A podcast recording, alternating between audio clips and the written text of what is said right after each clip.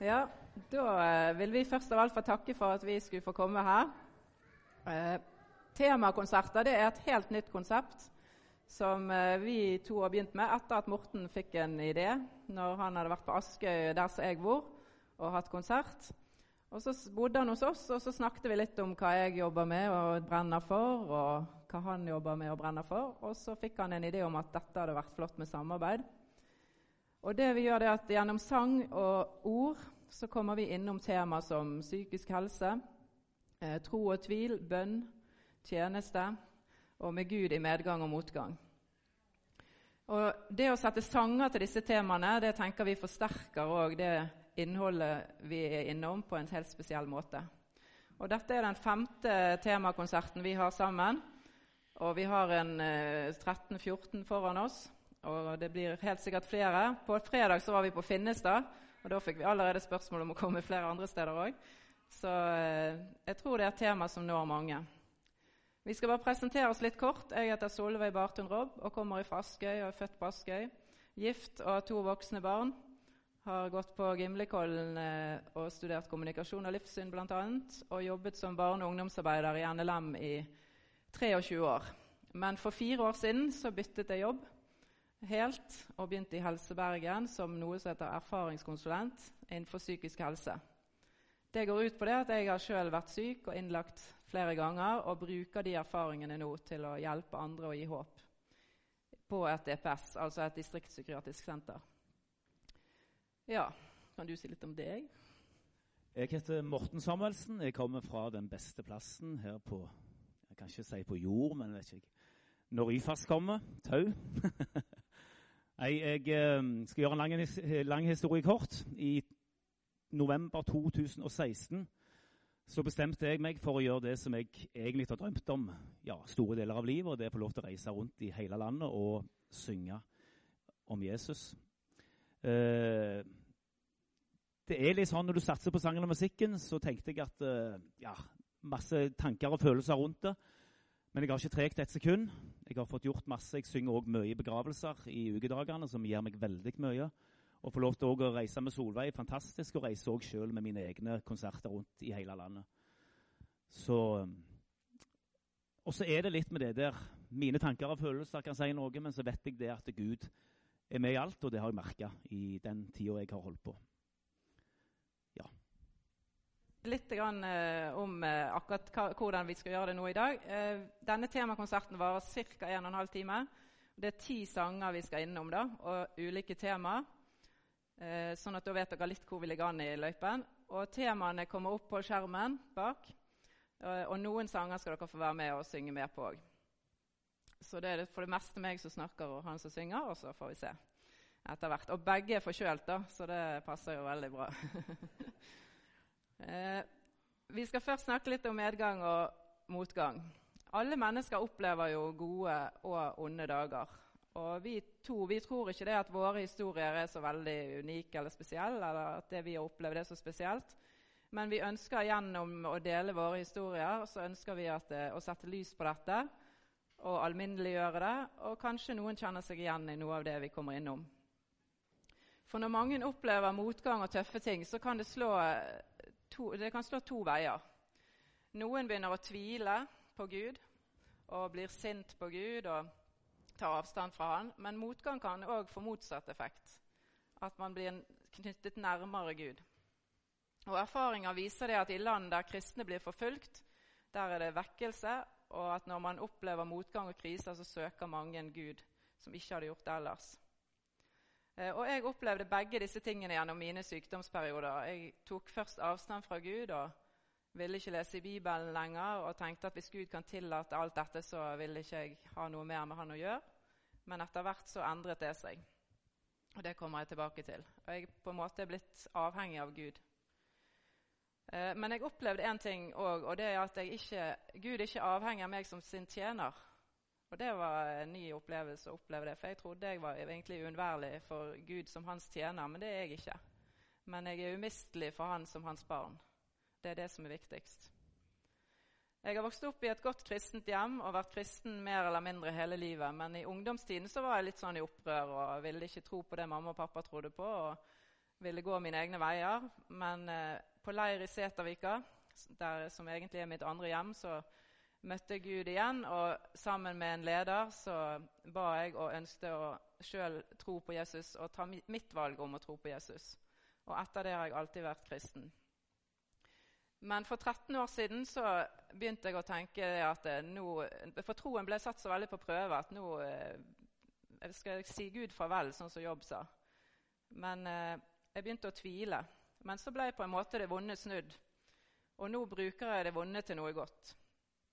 Og Vi skal ha et vers med oss gjennom denne dagen, eller denne stunden. 2. Mosebok 14, 14. Herren skal stride for dere, og dere skal være stille.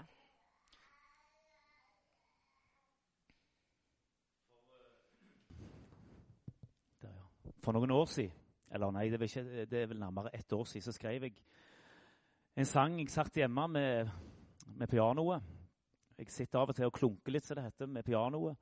Enten om jeg øver eller uh, skri, kanskje også skriver sanger, så kan det plutselig komme en melodi, en melodi, eller kanskje komme en tekst.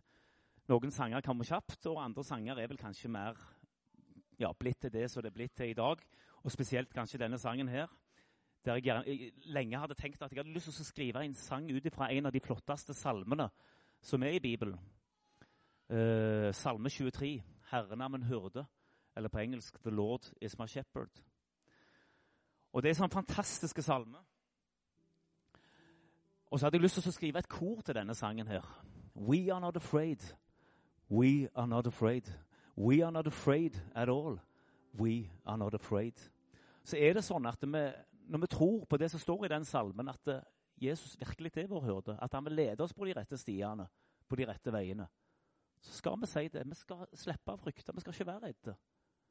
Vi skal virkelig få tro at han er med både i medgang, men òg i motgang. Og så er det litt med dette koret her at det er så enkelt at når jeg har sunget det én gang, så blir dere med og synger. Og hvis dere ikke kan det, så tar vi det helt til dere kan det.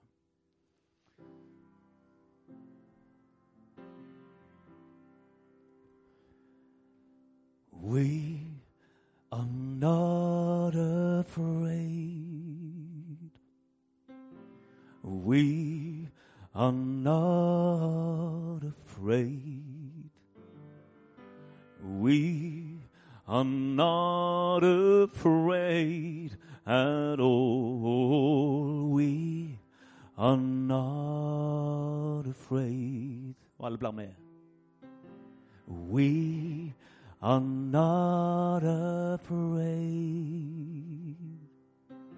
We are not afraid. We are not afraid at all. We are not afraid. The Lord is my shepherd. He guides me through valleys. He makes me lie down in green pastures. He will lead me beside quiet waters, and He refreshes my soul.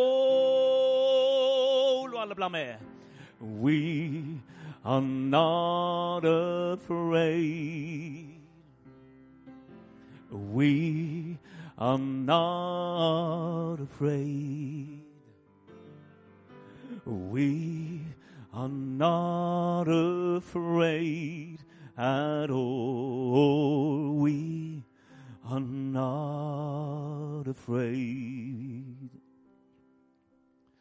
He guides me along the right path for His name's sake. Even though I walk through the darkest valley, I will fear no evil. For you are with me, your rod and your staff, they will comfort me. We are not afraid.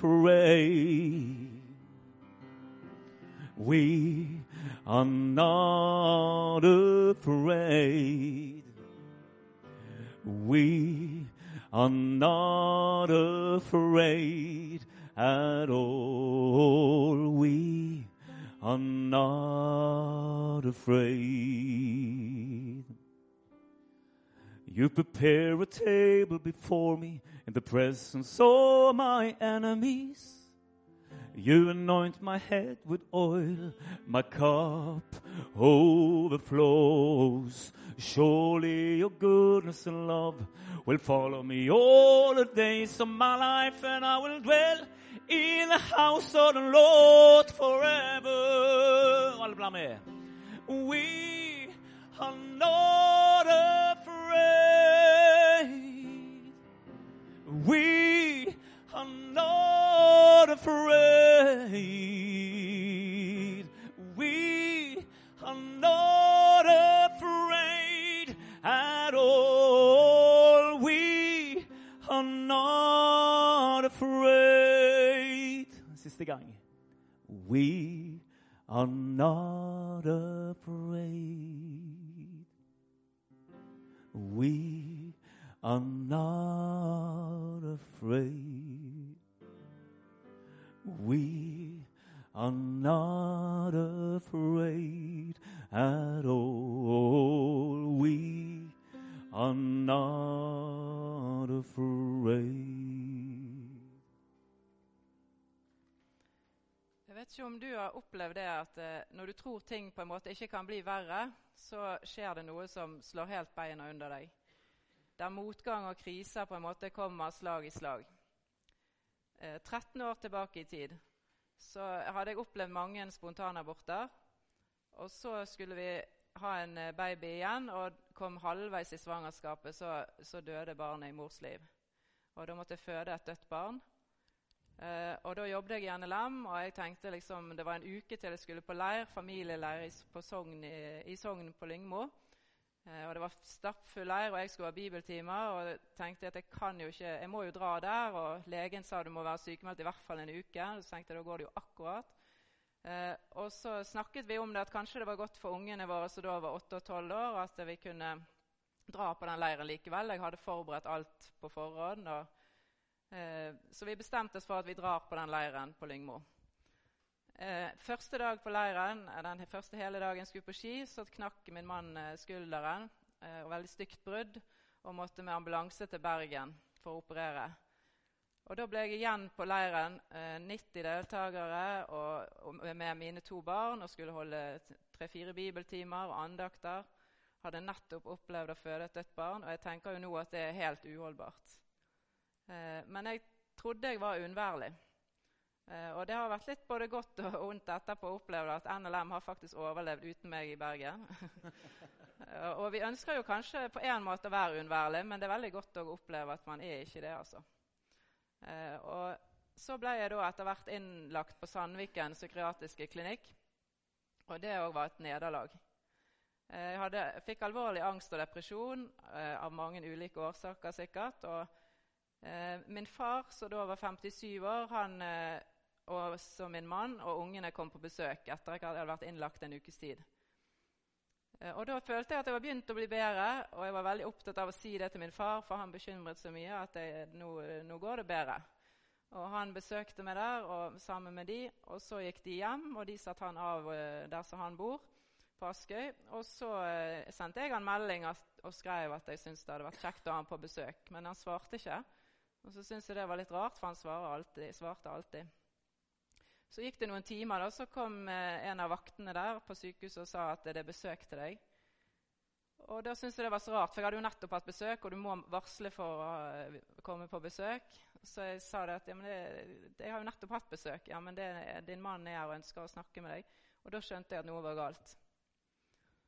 Så jeg gikk inn på rommet og så jo med en gang på han at det var noe galt. Og da hadde min far falt sammen når han var kommet hjem eh, med tette årer til hjertet eller hjerteinfarkt. Og var i koma og lå på Haukeland sykehus.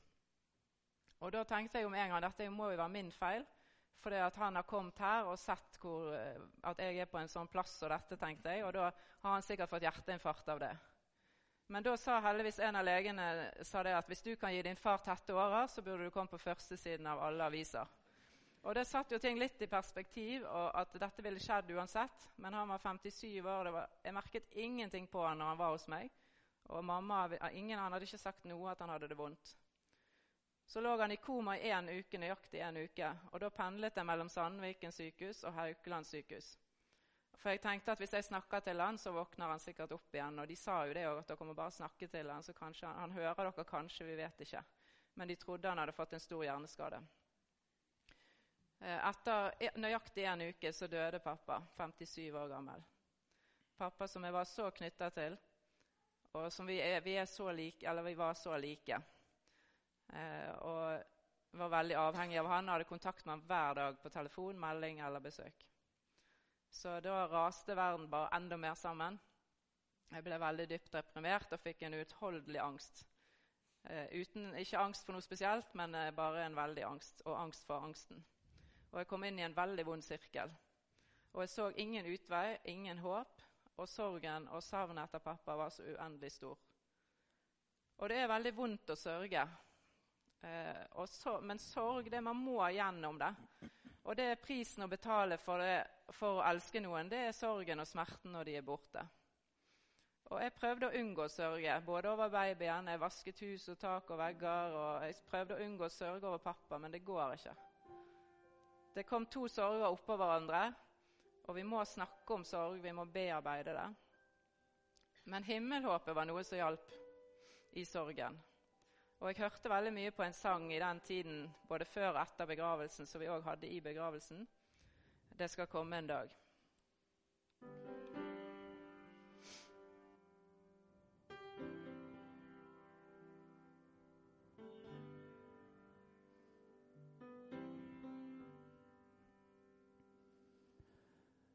Det skal komme en dag da smerte vil bli glemt.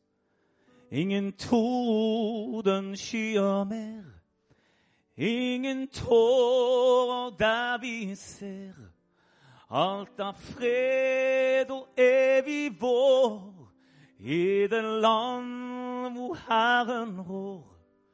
Hvilken underfull dag det vil bli. Hvilken dag det vil bli når min Jesus jeg får se. Når for hans fot jeg kneler ned, som en gang døde i mitt sted. Når han tar meg med sin hånd og leder meg til løftets land. Hvilken underfull dag det vil bli.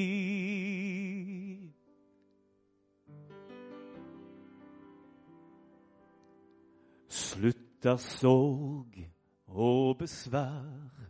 Ingen burde bæres der, ingen sykdom og nød. Ingen skille skal ved død og for evig skal vi bo hos Ham som bygget frelsens bro. Hvilken underfull dag det vil bli. Vær med og syng hvis dere kan. Hvilken dag det vil bli når min Jesus jeg får se.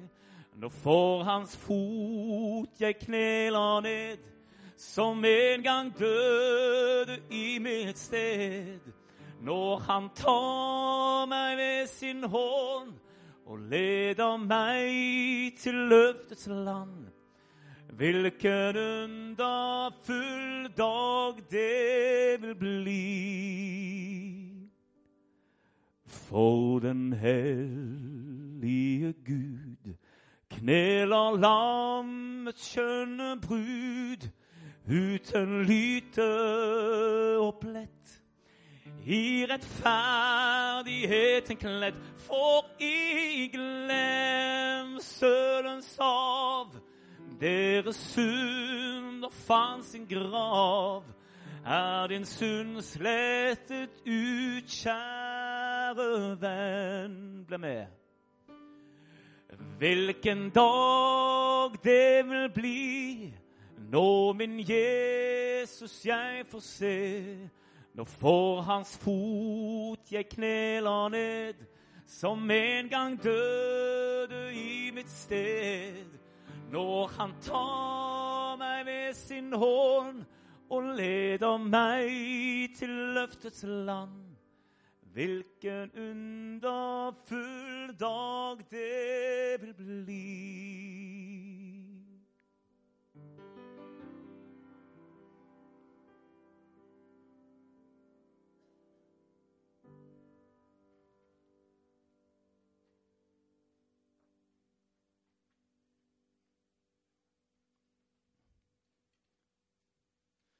Mange av de sangene som jeg synger til vanlig, de kan jeg eh, stort sett synge uten å si så mye om dem.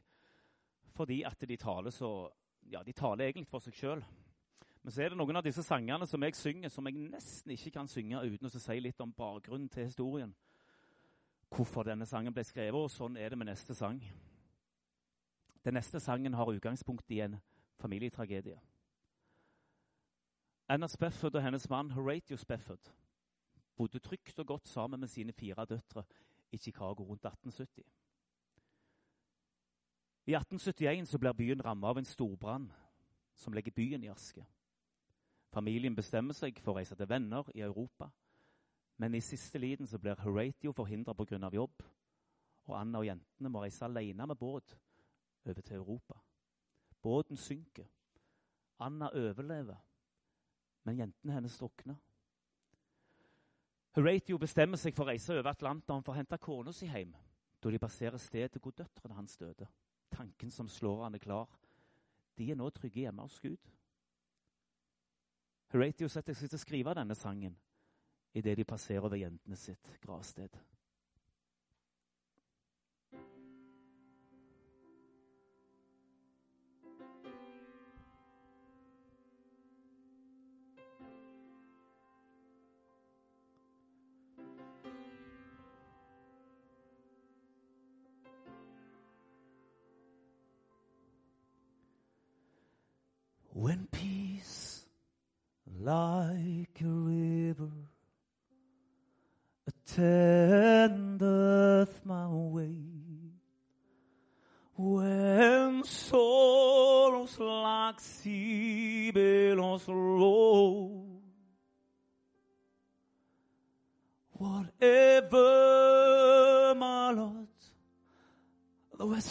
Taught me to say.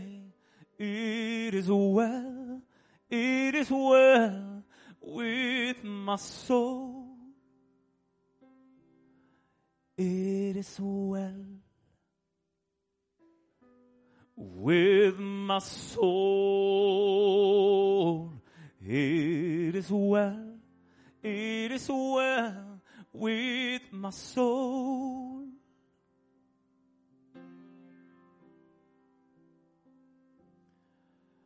My sin. Oh, the bliss of this glorious thought. My sin, not in part, but the whole, is nailed to the cross, and I bear it no more. Praise the Lord, praise the Lord, oh my soul. It is well with my soul. It is well, it is well with my soul.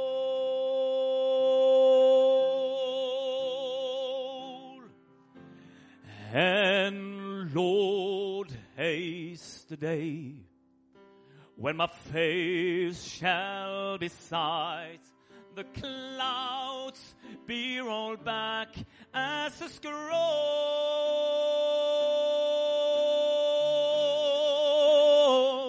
The trump shall resound, and the Lord shall descend. Even so, it is well with my soul. It is well with my soul. It is well, it is well with my soul. It is well with my soul. It is well, it is well with my soul.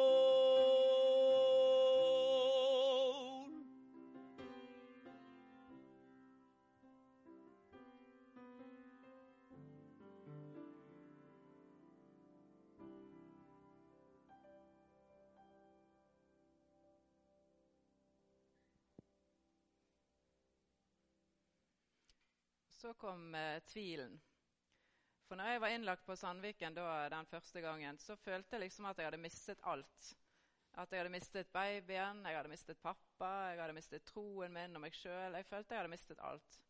Og i den jobben jeg hadde som barne- og ungdomsarbeider i, i NLM, så skulle jeg jo på en måte gi og gi hele tiden. Og så hadde jeg jo ikke noe sjøl. Jeg hadde ikke noe mer å gi. Jeg var helt tom. Og det er vel òg gjerne fare for oss som er kristne, og for oss som er perfeksjonister i tillegg. Så vi skal liksom ikke si nei til ting, og så skal vi klare alt. Og så tenker vi ikke så mye på oss sjøl. Og det er ikke egoistisk å tenke på seg sjøl av og til. Og vi må tenke på oss sjøl først. Hva klarer vi? Eh, på fly for eksempel, så sier de jo det at skal, hvis det blir et oksygenfall, så skal du først ta maske på deg sjøl, og så hjelpe barna og andre. Og det syns jeg alltid var så rart. Du må i hvert fall først hjelpe barna, sant? og så kan du ta deg sjøl etterpå. Men det, du kan ikke hjelpe andre hvis du ikke hjelper deg sjøl først. Og vi må ha det godt sjøl for å kunne hjelpe andre.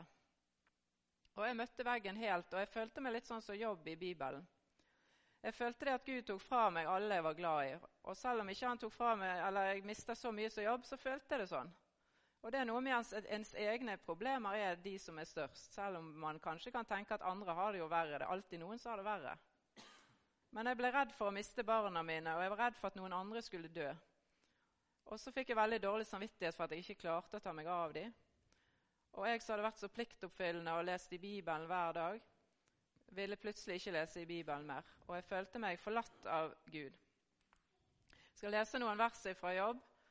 Eh, som står i blant, Først kan vi lese Jobb eh, 10, og vers 1-2. Og Der sier Jobb at 'min sjel er lei av livet'. 'Jeg vil la min klage ha fritt løp, og jeg vil tale i min sjels bitre smerte'. 'Jeg vil si til Gud, fordøm meg ikke, la meg vite hvorfor du strider imot meg'. Jeg, 'Min sjel er lei av livet', sa Jobb.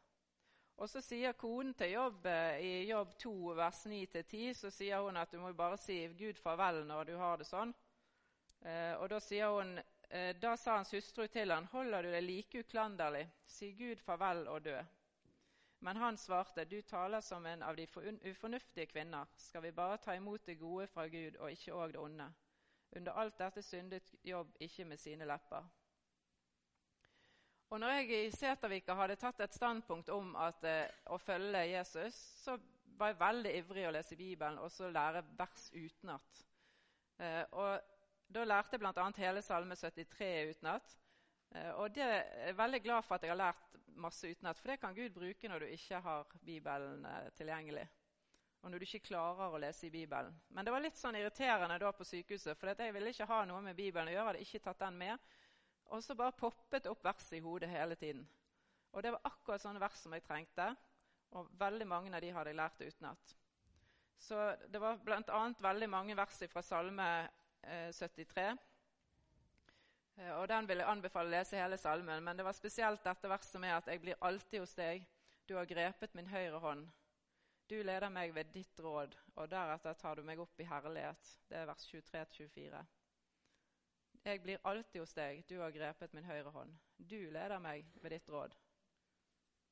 Og så satt jeg der, og, og, så fikk jeg tikket det inn en melding på telefonen, eller mange meldinger. For, det, for 13 år siden så var ikke det sånn mobil som har i dag, at vi kan få en lang melding. Det var sånn Nokia, så du fikk mange. Så du fikk sånne én av tolv eller noe sånt. Eh, og da var det en god venn og kollega som heter Helge Kvamme, som sendte meg en sang Eh, og den hjalp veldig mye. Jeg hadde sikkert hørt den før, men aldri lagt merke til den. Og Den heter 'Nå skal du få være barn og ikke tjener'. Og Det var så godt å høre det at jeg er ikke uunnværlig som Guds tjener. Men som barnet hans så er jeg umistelig.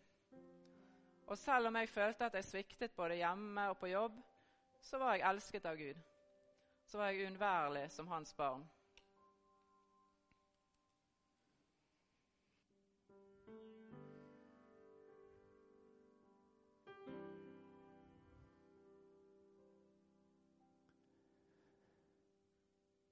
Nå skal du få være barn og ikke tjener. Nå skal du få være liten, ikke stor. Ingen spør deg hva du syns og hva du mener. Det er ikke du som skal forsvare mitt ord. Nå skal du få slippe hendene langs sida. Du må ikke tru at du skal bære meg som om jeg må holdes oppe hele tida. Ikke glem at det er jeg som bærer deg. Nå skal du få være svak, legg bort din styrke. Jeg lever fortsatt sjøl når du er død. Det er faren når mitt ord har blitt ditt yrke. Du tenker mest på alle andre du skal fø.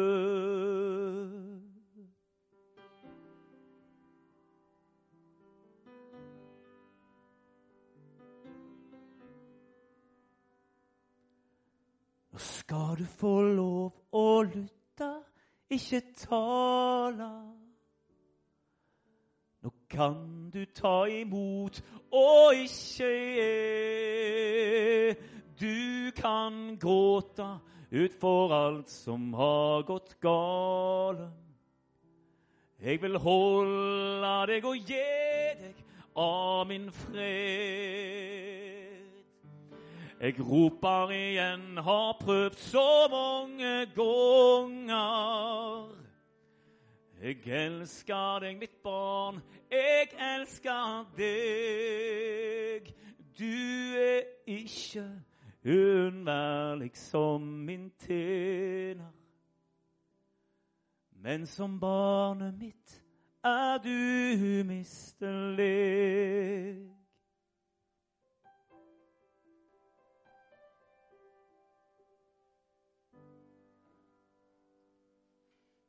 Utrolig fin og sterk sang.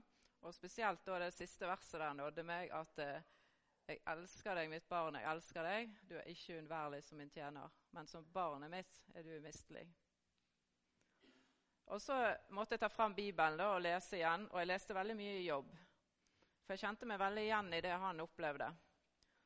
Eh, og i Jobb eh, 42 og vers 2 da svarte Jobb Herren og sa, Jeg vet du kan alt, og ingen plan er umulig å gjennomføre for deg. Jeg vet du kan alt, og ingen plan er umulig å gjennomføre for deg. Og Det som gjorde at jeg leste i jobb, òg, tror jeg var mye det at det, Bibelen er så ekte og ærlig, og det er så flott å lese om andre som har det sånn som du har det. Det er ikke sånn at alle kristne, da, bare man er kristen, så er alt bra. Og Det viser oss at Bibelen er sann. Og Jeg kjente meg sånn igjen i jobb. Og i jobb eh, Nå gikk det ikke an å bla her. Der. Jobb 42, denne var den vi leste nå, og så Jobb 35 og vers 14. Også når du sier at du ikke ser han, så ser han nok din sak, og du må vente på han.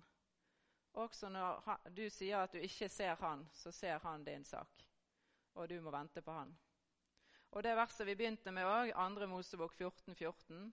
Herren skal stride for dere, og dere skal være stille.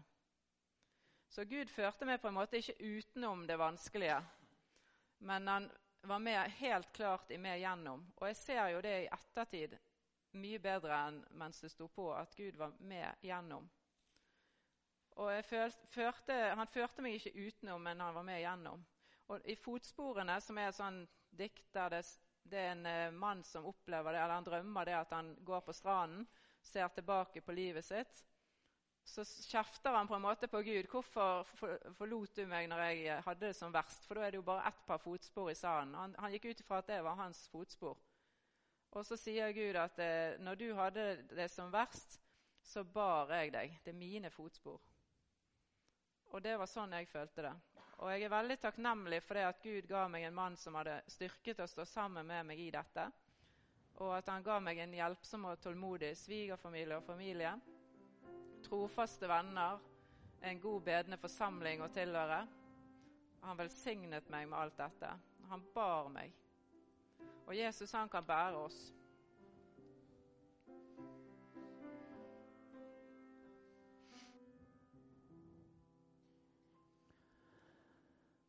Stå på, mitt barn, på veien vil du aldri gå alene.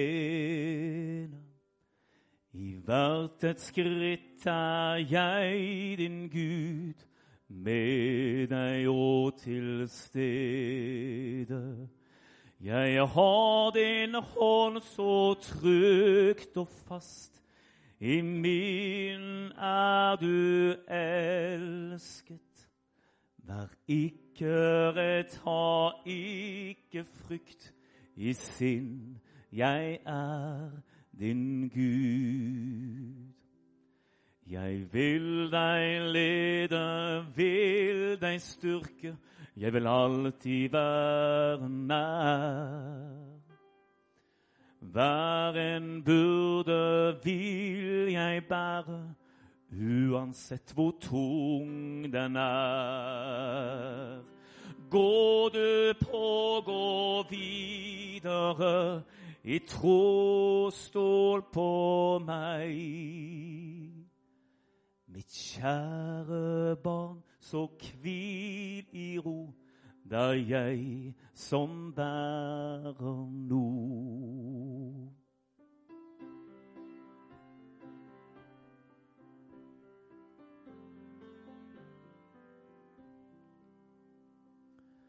Du skal få tro at jeg er med hver dag og hver en time.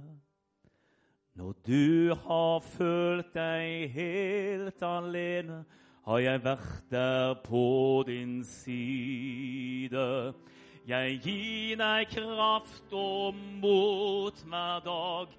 En skatt, det vil jeg gi deg. Du er mitt barn, vær alltid trygg. Du har en plass hos meg. Bruk meg, Herre, der du ser at jeg trenges mest. La meg få gå den vei du viser, en vei du kjenner best. Aldri vil du fra meg gå på min vandring her. Jeg får hvile trygt og godt. Du vil være nær.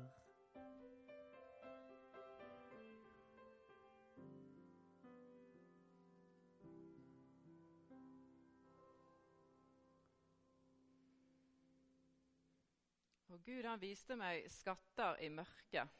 Og der eh, ble jeg klar over et vers som jeg aldri egentlig tror jeg har hørt før. Jeg har i hvert fall aldri tenkt over det, Som står i Isaiah 45 og i vers 3.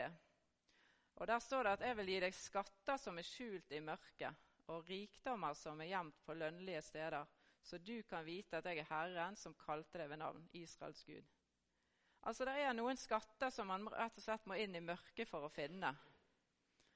Og jeg fant skatter i mørket. Og jeg ser jo etterpå det nå, hvordan Gud kan bruke meg nå for å gi andre håp og hjelpe andre. Og sånn er Gud. Og nå er jeg på en måte helt avhengig av Han hver dag.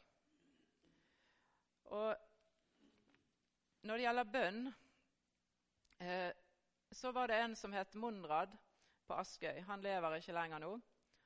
Men han eh, ba veldig for meg, fordi han ble minnet om å be for meg når jeg ble innlagt.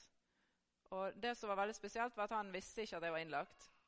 Men så eh, på en misjonsmesse vi hadde, så han, eh, tok han meg til side og sa det at det var så rart, for jeg ble så minnet om å be for deg en natt, sa han. Jeg våknet, og det var akkurat som jeg var i rommet. Han så meg så tydelig at det var akkurat som jeg var i rommet. Og, og, Da ba han masse for meg. Så spurte jeg hva dag det var, og det var den dagen jeg ble innlagt. Og Det var veldig trosstyrkende å, å få oppleve. Og Jeg har lyst til å lese et dikt som heter 'Bønnens himmelstige'. Mamma, kom, skynd deg hit, mamma, og hør hva jeg drømte i natt. Jeg drømte en stige var oppreist, fra jorden helt til himmelen den rakk. Og Rundt den svevde det engler, de sikkert nok støttet den, for stigen sto fast og sikkert og svaiet slett ikke det grann. Og opp av den lange stige, der stadig en strøm det var, av barn, kvinner, menn, og tenk alle annet, et annet menneske bar. Og mamma, hvor rart det var, mamma, en gammel mann bar en ung, en syk gammel kone sin datter, hvor det måtte være tungt. Men det rareste av alt, mamma, var en gutt knapt så stor som jeg. Tenk, han bar en, bar en voksen dame like så stor som deg. Og alle gikk helt opp til himmelen, la byrden for Jesus fram. Og Jesus tok imot alle, for ingen ble sendt ned igjen. Og mamma, jeg syntes det var rart, sto bare og undret meg. Da plutselig nærmet seg en engel, og vennlig han bøyer seg ned. Si, ønsker du, lille venn, å vite hva du her ser? Dette er bønnens himmelstige, den vandrer hver gang du ber. Og således hver gang du ber for mor og far, ja, dem du har kjær. Du opp til vår Far i himmelen, ja, helt i hans armer den bær.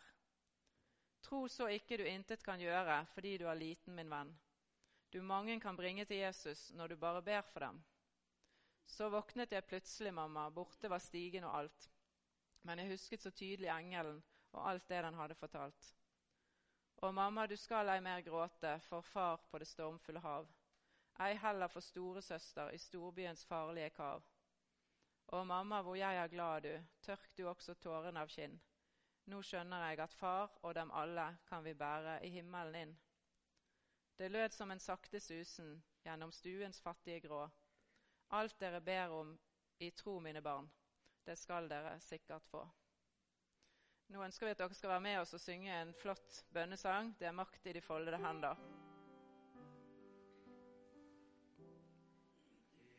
Ja,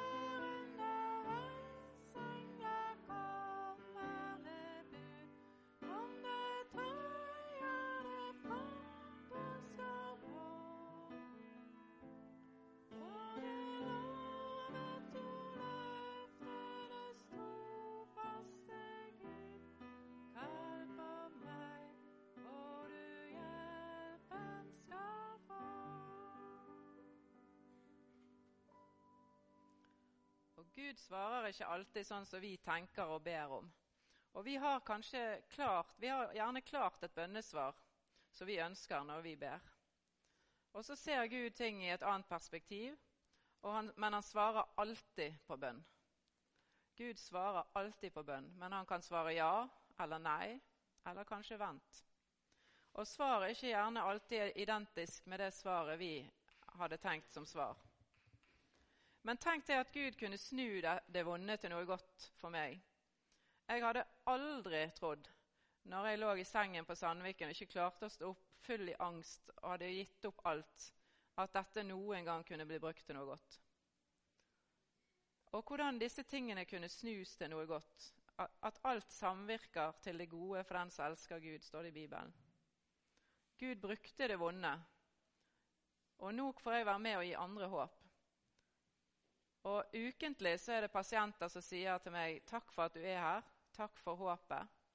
Det du sa til meg, det gjorde at jeg fikk energi til å gå en tur eller til å ta tak i noe. Og du gir meg håp. Bare med at du er her, så er du et håp, er det noen som sier.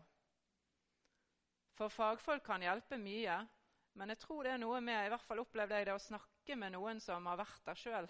Det hjelper veldig.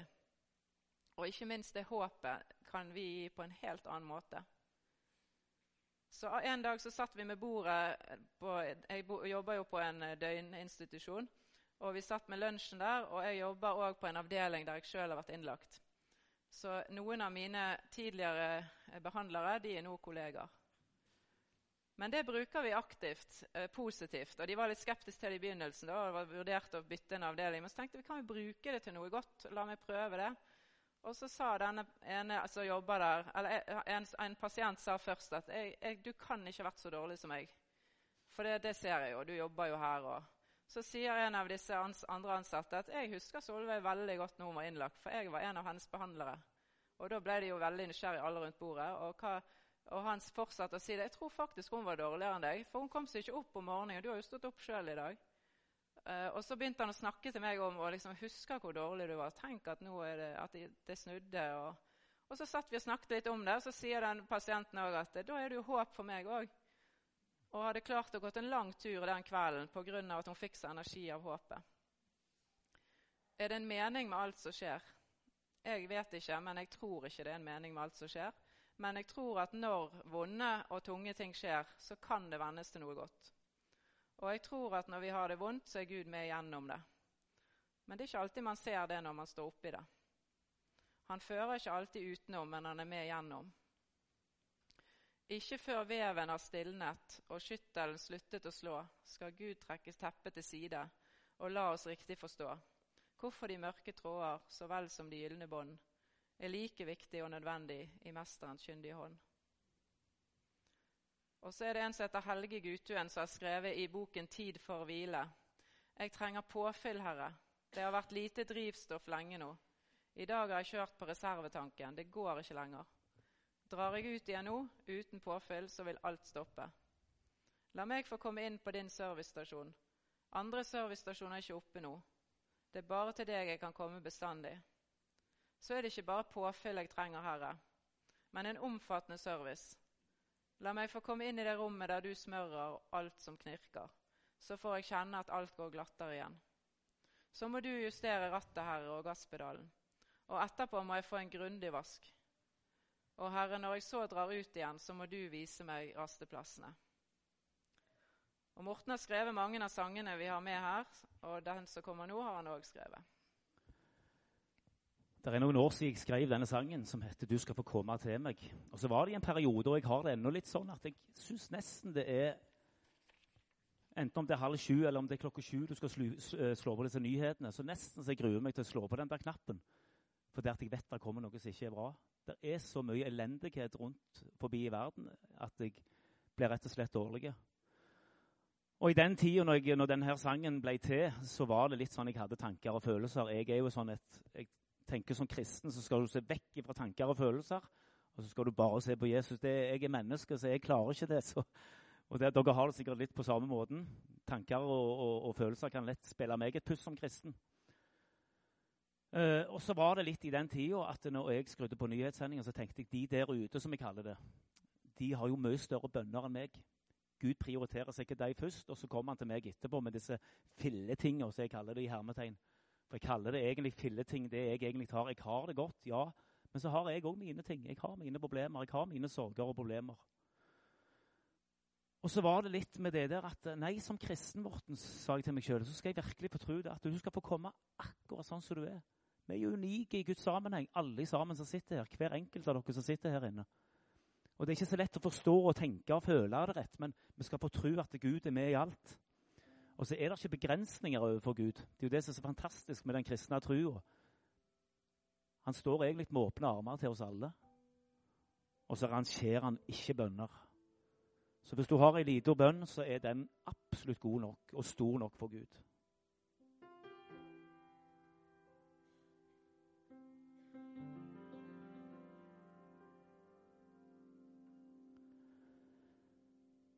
Du skal få komme til meg. Dine sorger tek jeg meg av. Du kan få leve med meg. Du kan få komme nå i dag. Jeg er din redning. La meg få vise den veg. Du skal få gå i fred. Jeg tar meg av deg.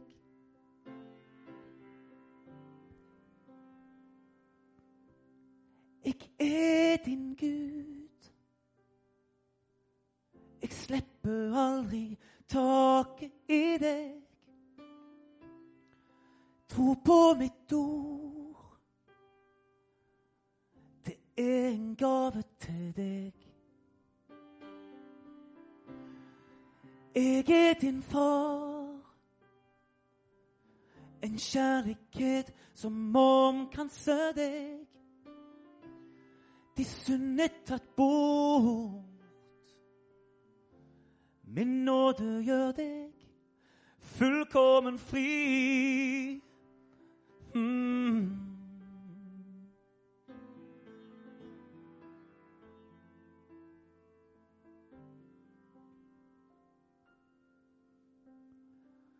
Du skal få komme til meg.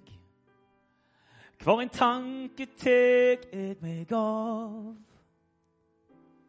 Du skal få tru at jeg lytter. Dine bønner kjem fram til din far. Tru på Herren. Han skaper liv og nytt håp.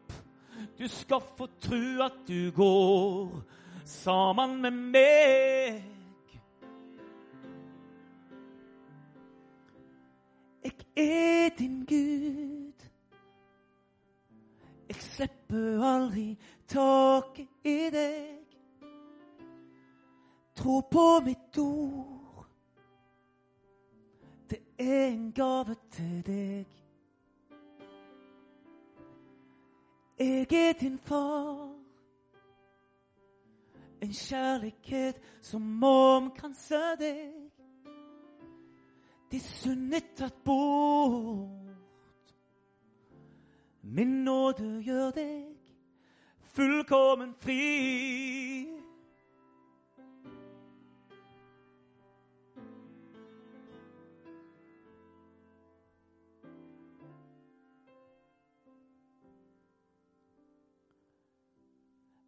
Tid med uro. En verden lider i nød.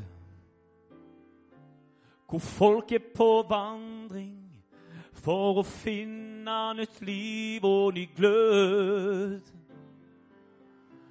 Men husk at Jesus, han kom til jord for å gi Hvert et menneske kjærleik, han vil sette oss fri. Mm. Han er din Gud. Han slipper aldri tak i deg. Tro på Hans ord. Det er en gave til deg. Han er din far. En kjærlighet som omkranser deg.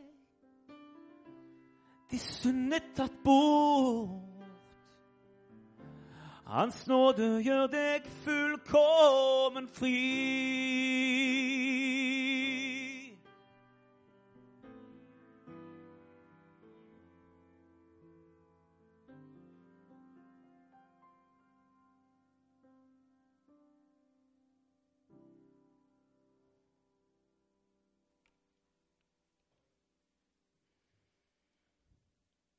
Så er det det med håpet.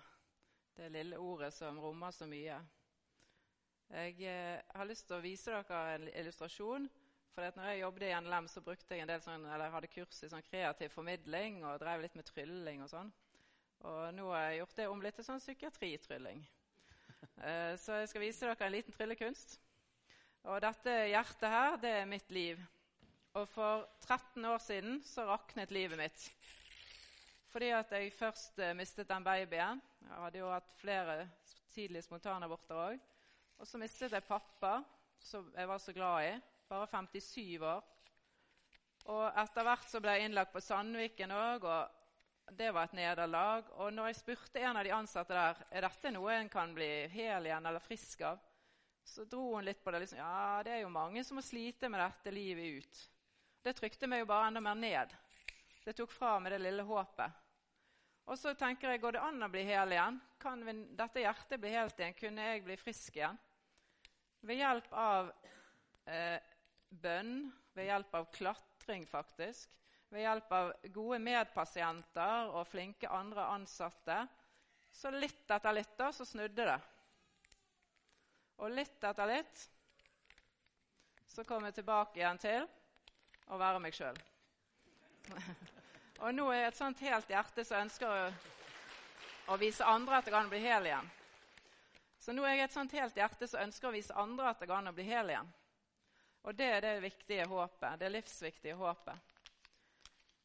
Og Det er en psykolog som sier noe om dette med viktigheten av håp. Han sier det at vendepunktet ser ofte ut til å bestå av en periode eller et øyeblikk i livet når brukeren eller pasienten da får tilbake håpet om et annet liv.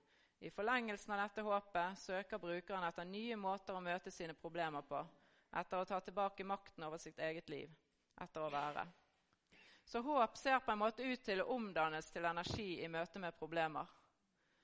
Og der mennesker mister alt håp om bedring, er sjansen for bedring betydelig redusert. Og Jeg har en bok som jeg er veldig glad i. Det fins en hel serie av den, men denne grønne handler om håp. Løpet er aldri kjørt. Uh, og Der står det et, sant, et sant stykke om Roger Bannister, som en, var en av verdens raskeste løpere. Han er nettopp død, blitt en gammel mann. Men han eller ingen andre hadde noen gang klart å løpe en engelsk mil på under fire minutter. De, tro, de trodde det var umulig. Men så klarte han det på et løp. Han klarte tiden 3.59 og 400 deler. Og det som var veldig rart, var at bare et par dager etter så klarte én løper det til og neste uke enda en, og så enda en. Hva var det som hadde skjedd? Jo, nå visste de at den umulige grensen var ikke umulig. Og den eh, umulige grensen var ikke ute på banen, men inni hodet på løperne. Og det tenker jeg at er min rolle å vise det at jeg, det er alltid håp. Og at det er mulig å nå den grensen. Det er mulig å bli frisk, det er mulig å leve med det, det er mulig å gå videre. Og ved at jeg viser det, så kan andre se at dette er mulig for meg å nå den grensen. Og Morten vil si litt om en utrolig flott, sterk sang som han har skrevet om håp. Det å ha noen i nær familie så tett innpå deg at du, du, er så glad i dem at du ikke vet hva du skal gjøre. For det, det er sånn med, med oss som er, er, rundt og har, har noen som du, du, er utrolig glad i. Du er jo ikke noen fastlege, du er jo ikke noen lege. Du er enten bare ei søster, du er en bror, du er noen gode venner. Og så syns jeg ofte det kan være så vanskelig. Hva er det egentlig den personen trenger? Hva kan jeg gjøre for noe? Og så føler jeg ofte en sånn utilstrekkelighet i forhold til det på en måte å nå inn i det hele tatt til de som har det veldig veldig tøft. Og Sånn har jeg det sjøl. med at jeg har eh, en person som, er, som jeg er så glad i, men vet allikevel ikke hvor, hva jeg skal gjøre. Og så er det ofte litt sånn at uh, med sangen og musikken så kan du bruke den til ganske mye. Jeg, sang, nei, jeg skrev en sang som heter 'Stay With Me' for noen år siden. Og det er en sang der den personen som sliter, forteller meg hva han trenger. Stay with me.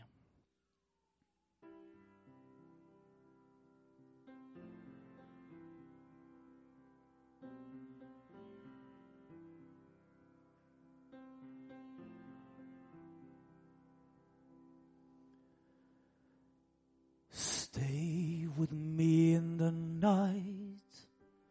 Trust me in the night. Be my strength and leader. To morning has come. Come to me in the night. Hold me in the night. Be my strength and power. To morning has come and give me a meaning and give me a hope and come with some secrets I can carry home.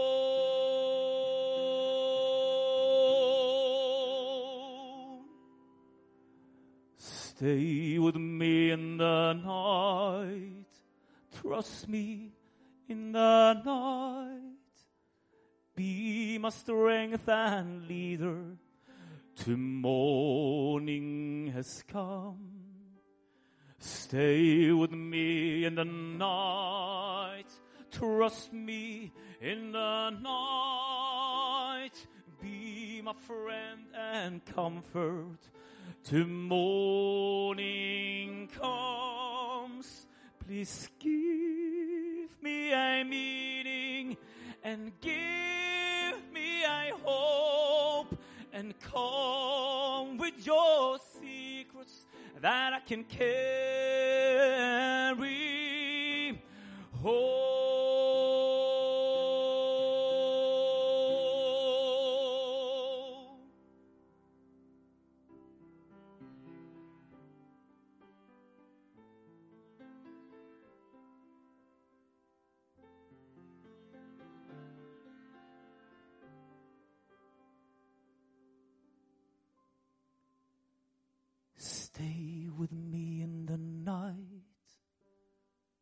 Trust me in the night.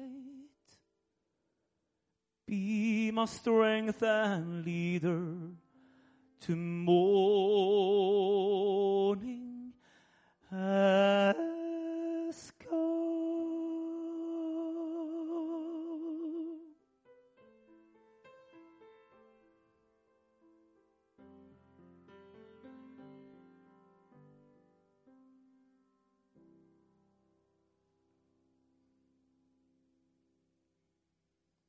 Utrolig sterk sang om det å være pårørende, om det å gi håp. Eh, psykisk sykdom. Hvorfor blir man psykisk syk? Hvorfor ble jeg psykisk syk? Og Det har jeg prøvd å lese masse om og tenke masse på. og eh, Egentlig bare noen få punkter som jeg har tenkt kanskje kan være noen årsaker. Eh, det kan være arv. Jeg har jo en mor som alltid har slitt eh, psykisk. Hun har aldri vært innlagt, eller noe sånt, men slitt med lette depresjoner. Men det snakket vi aldri om hjemme. Og Dermed ble det veldig skummelt og farlig. Eh, og Det var liksom nervene og det vi fikk høre. Og, og, og, jeg tror ikke det er bra å ikke kunne snakke med sine egne barn om det. i hvert fall. Men heldigvis er det mer åpenhet nå, og jeg har valgt å være veldig åpen med mine barn. For da blir det mer alminnelig. Men det er ikke sånn at fordi at no, noen har en mor eller tante eller noe som har vært syk, så det, blir man det sjøl òg. Men det kan ha noe å si, det biologiske. Så Jeg har jo en søster som er helt frisk. Eh, mobbing. Jeg har blitt mye mobbet, og jeg vet at veldig mange av de som sliter psykisk, har blitt mye mobbet. Og kriser eller andre utløsende faktorer. så Det var det jo for meg òg. Det var ting som utløste det i hvert fall. Og det å sette altfor høye krav til seg sjøl, eller traumatiske hendelser, og det kan være rus. Og de fleste, over 90% av de som ruser seg, får psykiske lidelser. Så det henger jo veldig sammen. Men det er mange som er syk, har psykiske lidelser uten å ruse seg. Det er en vesentlig forskjell. Og hvordan møter vi mennesker som sliter psykisk? Jeg har møtt veldig mye forskjellig der. For når jeg forteller til folk at jeg har vært psykisk syk, så er det mange ulike reaksjoner. En, no, mange har faktisk sagt at ja, du er deprimert, du har det jo så godt, eller du har jo så mye. Eh, eller så er det noen som snakker babyspråk og sånn ovenfra og ned-holdning. 'Hvordan går det med deg, lille venn?' Og Den har jeg møtt masse, spesielt når jeg var hjemme på permisjoner. Eller 'Har du vært psykisk syk? Du ser jo så normal ut.' Og jeg regner meg for å være ganske normal, da. Men så er det jo ikke sånn at man er enten gal eller normal.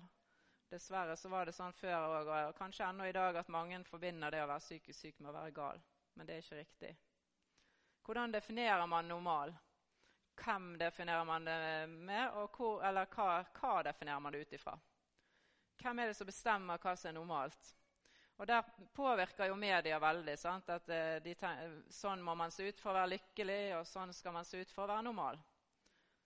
Men det ville jo være kjedelig hvis vi alle var like. Vi er til for hverandre og for å utfylle hverandre. Vi er skapt helt unik i Guds bilde. I Salme 139 så står det et vers i 88-utgaven. Jeg syns det er så flott ordlagt at jeg er skapt på forferdelig, skremmende forferdelig underfullt vis. Jeg syns det er så flotte ord. Forferdelig underfullt vis. Og det, det, er det vi er. Og du er unik sånn som du er skapt.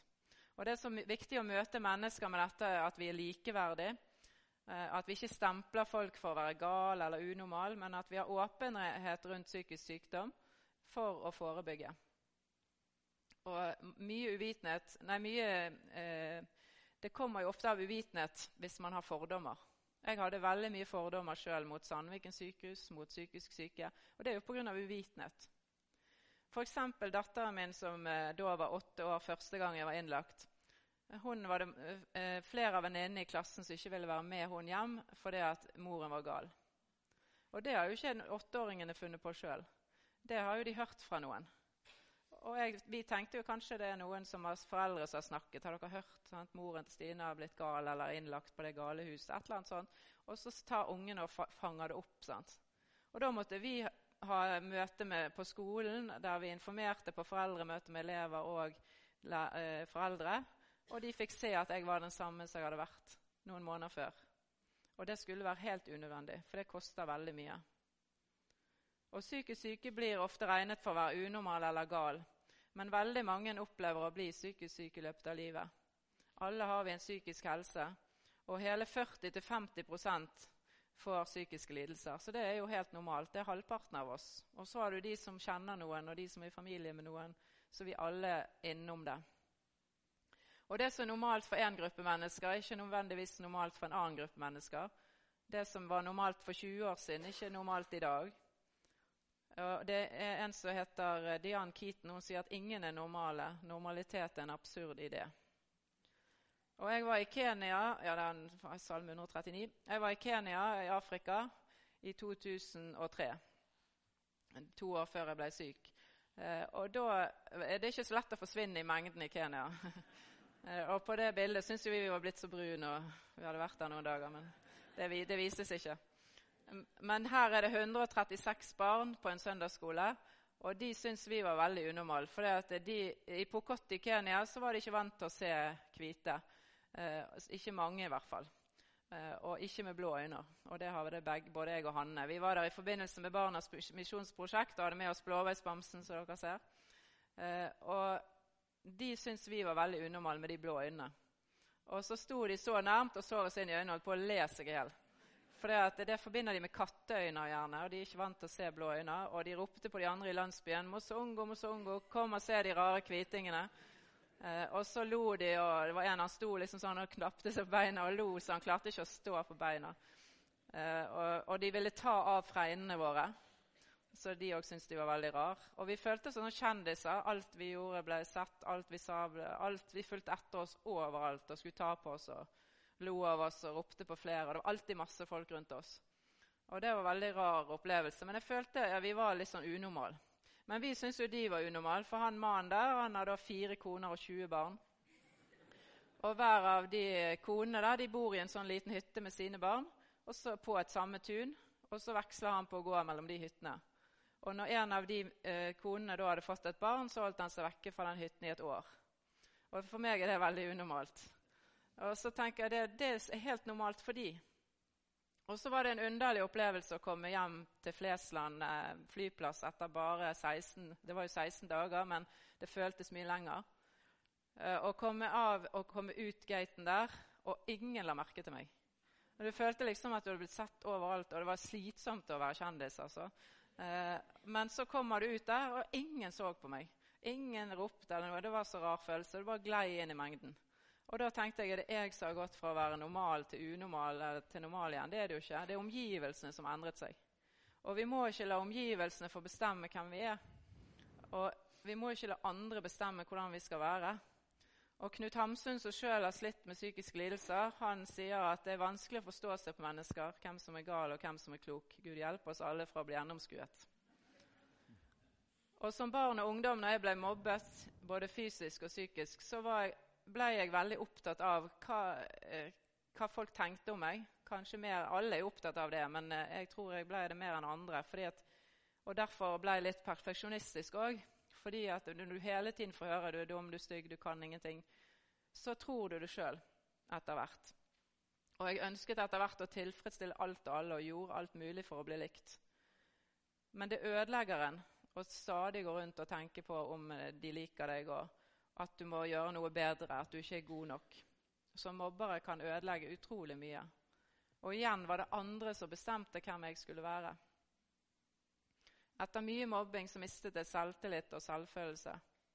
Og selvfølelse det er den indre vissheten at uansett hvordan jeg presterer, så er jeg god nok. Og den er så viktig. Det ble alltid et strev for meg etter å være god nok. Og vi må bli flinkere til å tørre å være oss sjøl for ingen er god til alt. Ingen er perfekt. Og altfor ofte så sammenligner vi oss med de rundt oss.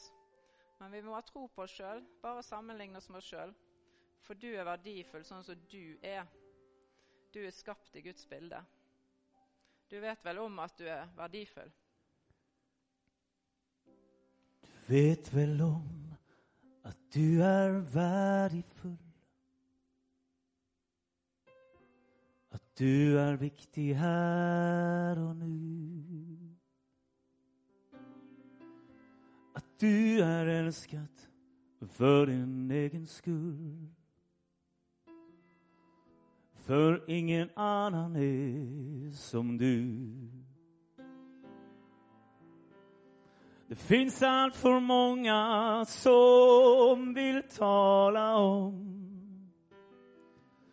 du bør bare si og så. Gud Fader Kjell, han aksepterer deg ennå. Og det kan du lete på. Mm. Du vet vel om at du er verdifull du er viktig her og nå. At du er elsket for din egen skyld. For ingen annen er som du. Du passer inn i selve skapelsen. Det fins en uppgift just för dig. Men du är fri att göra vad du vill med den. Säga ja eller nej. Du vet väl om, du vet väl om att du är värdefull. Du er viktig her og nå. At du er elsket for din egen skyld. For ingen annen er som du. Mm.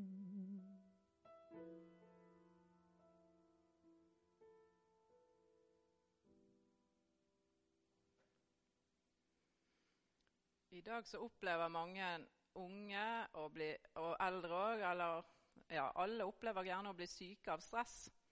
At høye krav og forventninger fra skole og jobb, og kanskje fra forsamling, fra foreldre Man har så mange som man føler man må prestere så mye. Og den generasjonen som vokser opp i dag, kaller vi gjerne generasjon perfekt. For det, ting skal ikke bare være bra, med, eller noe bra, men alt skal være perfekt. Man skal være, ikke bare være god i noe, men best i alt. Og det er veldig slitsomt. Og Sosiale medier bidrar til å skape en oppfattelse av at perfekt og vellykket er standarden. Og Da blir det slitsomt når man ikke klarer å leve opp til det. Og da blir fallhøyden òg stor. Men hva er lykke? Hvis man går etter andres oppskrift på lykke, så blir man ikke lykkelig. Da gir det ikke livet mening, for det er ikke ens egen lykke. Man må på en måte finne sin egen lykke, definisjonen på lykke, og ikke alle andre sin definisjon på lykke. Og lykke kan være så mye. Det kan være en bitte liten ting. Og Jeg har et bilde som jeg syns illustrerer det så godt, at lykke er et valg. Hun som har vunnet førsteplassen, hun hadde tydeligvis høyere mål og ikke er fornøyd. Mens den som vant tredjeplassen, er kjempefornøyd. Så det er noe med at det, det er litt hva mål setter man seg. Hva er det man forventer av seg sjøl? Hva er det folk angrer for når de ligger på dødsleiet? Jeg har aldri hørt noen som sier at de angrer på at de ikke så mer TV, eller at de skulle ønske de sminket seg mer. Men det er det at de, ikke, at de skulle ønske de brukte mer tid med familie og venner og gjorde det de hadde lyst til. Og En undersøkelse blant veldig mange eldre der de ble spurt om hva angret de mest på i livet, så var det at de hadde bekymret seg for så mye som ikke skjedde. Og det tenker jeg også, Mange av oss Jeg er i hvert fall veldig flink til det. og bekymrer meg altfor mye. Og når jeg var innlagt, så ville jeg først ikke at noen skulle vite, og det var et nederlag. Men etter hvert tenkte jeg at jeg vil ikke disse ryktene. Jeg vil fortelle hvordan det er sjøl. Og skape åpenhet, få ned stigma. Og så var det da en eh, Når jeg var innlagt, jeg fikk hjelp av veldig mange medpasienter. Men så var det en behandler, en ergoterapeut, som kom inn på rommet en dag og så sa han at du har så mye grubling og tankekjør, og nå har du ligget her i sengen eh, så lenge, og vi må få deg opp og i aktivitet, så nå har jeg funnet ut hva du skal være med på. Ja vel, sa jeg. Ja, du skal være med og klatre. Og da lo jeg for første gang flere måneder, for jeg syntes det var så teit. For jeg, har, eh, hadde ikke trent siden gymtimene på skolen, jeg likte ikke å ture. ingenting. Og jeg har høydeskrekk. Han, men han klarte å overtale meg til å være med og se på de andre. i hvert fall. Han sa det hjalp veldig mot grubling og tankekjør. Og Da prøvde jeg, og dette bildet er tatt for 13 år siden på Sandviken sykehus. Så gikk vi rett bort til Handelshøyskolen der det var klatrevegg. Og Da prøvde jeg den der buldreveggen der. Det er uten sikring med madrass under, og det var veldig interessant. Så da prøvde jeg 16-metersveggen og kom opp på første forsøk. Og det ga en enorm mestringsfølelse. Og ikke minst når jeg kom ned igjen etterpå, da, og det var jo et kapittel for seg sjøl, for når du kom opp, så må jo du se ned, og det var grusomt høyt. Men du hadde jo dette tauet, og han firte meg ned. Og den følelsen av at jeg har ikke hatt grubling nå i 20 minutter og ingen tankekjør Du kan ikke ha det i veggen. Du må liksom fokusere så veldig. Hvordan skal jeg komme meg opp? Og det, ga, det, eh, det ble en veldig god opplevelse. En veldig mestring og en god opplevelse. Og tenkte dette går jo an å avlede på andre måter òg, kanskje. Den samme ergoterapeuten sa at det hjalp å gå tur. Tenkte jeg han hadde jo rett med den klatringen. Så gikk jeg Stolsen som en sånn skikkelig styrkeprøve med 900 og noe trinn til toppen. Eh, veldig bratte trinn. Den gikk jeg første gang som innlagt. Bodde i Bergen hele livet. Og Jeg begynte å gå turer, og noen venninner startet en turforening på Askøy. som meldte den inn i NLM, og Den heter Gå ut. Eh, og vi går, tur, eh, vi går, tur, hver onsdag, og vi har gjort det i 13 år nå. Og jeg, jeg, og en til er de mest trofaste som er med. Men de som kommer, og de er med, de som vil og kan. Men vi går tur uansett vær, og det har betydd veldig mye. Eh, og så tok jeg etter hvert klatrekort og brattkort og kan nå sikre andre. Sånn at eh, jeg kan få lov å ta andre med meg på klatring. Men så to år etter så fikk jeg tilbakefall. Da, for det begynte jo å snu da, etter den klatringen. og jeg så at jeg, klar, kunne, jeg kom meg ut av det. Og så To år etter ble jeg syk igjen uten noe spesiell grunn. Eh, og da fikk jeg diagnosen tilbakevendende angst og depressiv lidelse. Og det er en veldig deprimerende diagnose, for den sier egentlig at du vil bli dårlig igjen. Men jeg kan ikke gå rundt og tenke på det. Jeg må på en måte leve i dag. og nå, Jeg ble syk to år etter der òg, men nå har jeg vært bra i over seks år. Og jeg tenker at kanskje jeg ikke blir syk igjen, istedenfor å gå rundt og være redd for å bli syk igjen. Alle så har vi det friske i oss. Hvem er 100% frisk? Og man kan leve med en diagnose og være frisk. Jeg kaller meg frisk selv om jeg har en diagnose. Og jeg, vet, jeg går ikke på medisiner, men noen av mine erfaringskonsulentkollegaer gjør det, og de kaller seg frisk. Det er mange som må gå på medisiner, men likevel kan være frisk. Og så er det dette med innstillingen er jo viktig. sant? Eh, ja, Det kan jeg vise først. Jeg klatret meg ut av angsten. og Det var i VG i fjor. da, Et sånt eh, reportasje om hvordan man kom ut av angst. Og Da sto det at jeg klatret meg ut av angsten. Og det gjorde jeg egentlig. Og så er innstillingen veldig viktig. Dette er min spesielle depresjonsstilling. Skal man være deprimert, så spiller det en stor rolle hvordan man står. Det verste man kan gjøre, er å rette på ryggen og løfte hodet. Da føler man seg bare bedre. Skal man ha noen glede av å være deprimert, så må man stå sånn. Og som en sa òg, at det ikke bare bare å takle kriser som plutselig ikke kommer likevel. Det kan være ganske slitsomt. Og Ole Brumm har òg en veldig fin. Tenk om et tre veltet og vi satt rett under det sånn snøff. Tenk om det ikke veltet, sa Brumm når han hadde tenkt seg om en stund. Og det er noe med hvordan velger man å gå inn i livet. Velger man å tenke at alt kan gå galt, eller at ting kan gå bra? Og det trenger jeg å tenke på nå. For det, på det meste på disse konsertene så er det jo jeg som snakker, og Morten som synger. Men eh, så siden han får lov å snakke litt, da, så skal jeg få lov å synge litt. Og jeg har aldri sunget før jeg begynte å synge med han. Han har jo sunget med Bjarne Brøndbo og Linda Randall. Og, uh, og jeg kan ikke synge, men vi skal synge én sang sammen, da. Og da trenger jeg å tenke at det kan gå bra.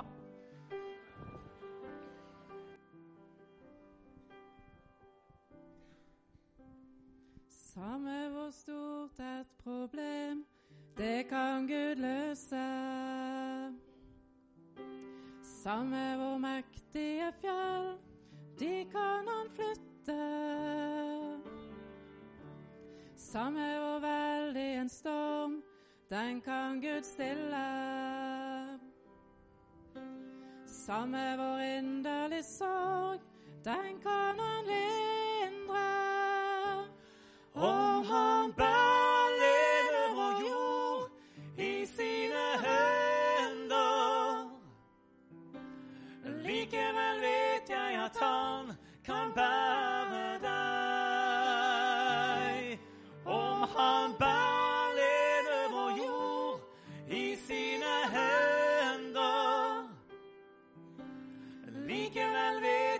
at han kan bære deg. Han sa kom inn til meg, du som fortviler. Og jeg vil gi deg fred.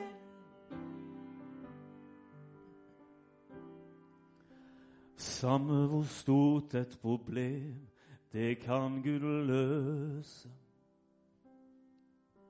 Samme hvor mektige fjell, de kan han flytte. Samme hvor veldig en storm, den kan Gud stille.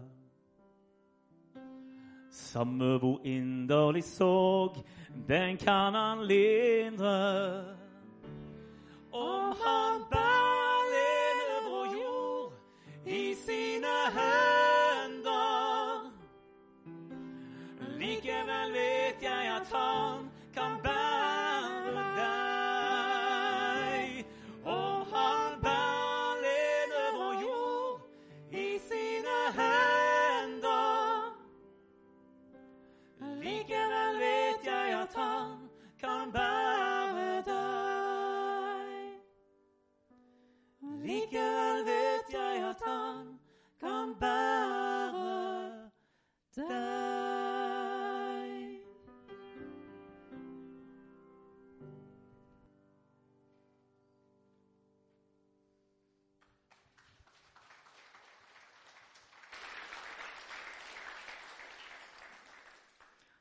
Vi har lyst til å si litt på slutt nå om det med forebygging og pårørende, hvordan det er å være pårørende.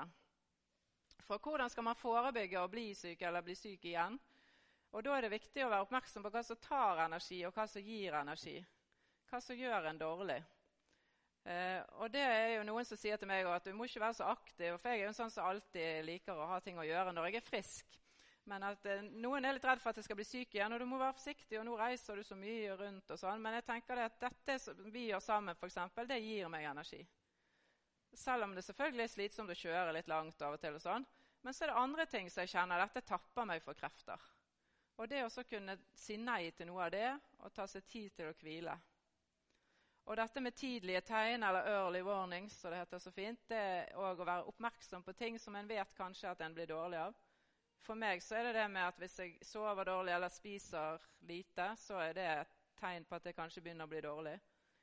Eh, og det å snakke med noen før en eh, blir for dårlig òg, og åpne seg for noen. For det er tungt å gå og bære alt inni seg.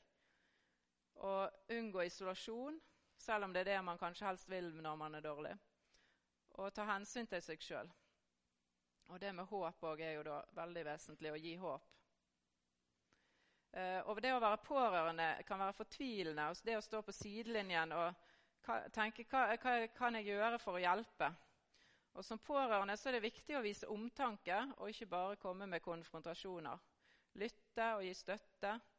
Depresjoner det tar tid, og en må få ta den tiden det tar. Ta tiden til hjelp. Og Det er lett å bli utålmodig som pårørende. Men godta det at du ikke får gjerne normale reaksjoner alltid. Og det er ikke så lett. Og det å tilby å gå tur sammen istedenfor å si at eh, nå må du komme deg ut på tur, for det hjelper, dere har lest og, jeg har hørt at det hjelper, så si skal vi gå en tur sammen, sånn som disse venninnene mine gjorde, istedenfor å si at du må komme deg ut på tur og sånn. Det hadde jeg jo sikkert ikke gjort. sånn. Så er det liksom, eh, For jeg liker ikke å gå. Sant? Men så sier de kom igjen, vi går tur. Og vi begynner hver onsdag klokken syv. Og Det var liksom ikke et spørsmål. Det var liksom, det skal vi gjøre, og vi skal gjøre det sammen. Og jeg har òg hatt venninner som kommer hjem og sier at nå skal vi hjelpe deg med å vaske eller gjøre de og de tingene. Istedenfor å si at bare ring hvis du trenger hjelp. Eller at vi skal be for deg, og så blir det på en måte en litt sånn Da slipper å gjøre noe mer. For all del skal vi be for hverandre når vi har det vanskelig, men tilby å hjelpe òg. Og gjerne bare møte opp. Eh, I en bok som heter 'Lykketyvene', så står det mange av disse rådene her om å være pårørende. Lykketyver fordi at depresjon og angst er tyver som stjeler lykke. Og Det er en veldig fin bok der det går an å lese bare ett kapittel eller, eller hele boken. 'Lykketyvene'. For hvordan skal man møte mennesker som sliter?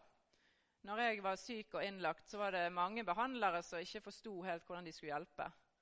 Men én behandler han kom inn på rommet, og jeg var så motløs og grein og var fortvila. Og så satte han seg ned på gulvet med meg og så sa han bare 'Jeg vet rett og slett ikke hva jeg skal si'. Men så satt han der bare. Og det hjalp faktisk, å være stille sammen og ha en som var til stede. Og jeg tenker at når vi, når vi, skal hjelpe og vi ikke vet hva vi skal si, så er det kanskje det vi skal si eller gjøre. Å være der og si at 'jeg vet ikke hva jeg skal si, men jeg kan være her for deg'. For det fins alltid noe vi kan gjøre som et medmenneske. Hvis ikke vi kan helbrede, så kan vi lindre. Hvis ikke vi kan lindre, så kan vi trøste. Og når vi ikke lenger kan trøste, så kan vi være der. Søren Kirkegård han sier at hvis det i sannhet skal lykkes å føre et menneske hen til et bestemt sted, så må man først passe på å finne han der han er, og begynne der. Det er hemmeligheten i all hjelpekunst. Møte de der de er. Og empati, det er den beste medisin. Den kan ikke man få for mye av, eller ingen bivirkninger. Og så må vi ikke gjøre oss bedre enn vi er, for da blir vi ofte verre enn det vi trenger å være. Tørre å vise svake sider, for da når vi lenger inn. Og det er Hvor mange som vil åpne seg for mennesker som er perfekte, det er ikke så mange. Tørre å vise at vi alle har svake sider. Og så har vi fått to ører og én munn, og det er det kanskje en mening med at vi skal lytte mer enn vi snakker. Lytte til andre som har det vanskelig, og lytte dobbelt. Og deprimerte er ikke svake mennesker eller gale mennesker, men det er mennesker som gjerne har vært sterke for lenge. Deprimerte er ikke svake mennesker eller gale mennesker, men mennesker som har gjerne vært sterke for lenge. Og det har jeg også lyst til å si at løpet, så denne boken heter 'Løpet er aldri kjørt'. Det er alltid håp. Og det er det veldig viktig å tenke på. Og det, man vil finne det håpet. Vi skal avslutte med et dikt som jeg har skrevet. Jeg skal lese det for dere helt til slutt. Jeg vil så gjerne, jeg vil så gjerne at andre skal se det fins en vei gjennom mørket. Jeg vil så gjerne at andre skal få se solen og tårene tørket. Jeg vil så gjerne dele et håp, dele av alt jeg får erfare. Jeg vil så gjerne fortelle deg dette kan du også klare. Del ditt håp og alt du får lære. Vis andre at dette kan du klare. Jeg vil så gjerne fortelle deg dette kan du òg erfare. Tusen takk for oss.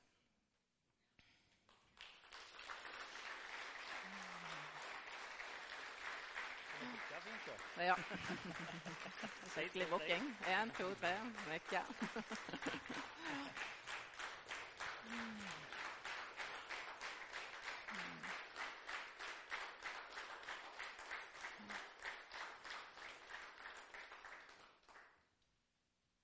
Hjertelig takk. Dette er uttrykk for at uh, dere traff noe. Takk for sangen, Morten. Takk for sangen. Solveig. Og takk for det du delte. Du ga mye av deg sjøl. Hjertelig takk. Um, jeg har lyst til å be før vi helt til slutt tar med oss uh, velsignelsen. Kjære himmelske Far, vi takker for at eh, noen står og kan bruke vonde ting og hjelpe andre. Takk for Solveig, takk for Morten. Takk for det de har delt med oss i dag. Så ber jeg spesielt, hvis her er noen i dag som sliter, om du kan gå inn. Du kan sende noen som kan hjelpe. Du kan uh, tenne et lys, Jesus, med din legende hånd. Vi ber om det. Vi ber om at vi òg uh, kan være til hjelp for andre, enten det er familie eller det er naboer. At vi kan tørre å være til hjelp. Gi oss visdom og til, å, til deg, Jesus. Vi takker deg for stunden nå. Ber om velsignelse over dagen videre.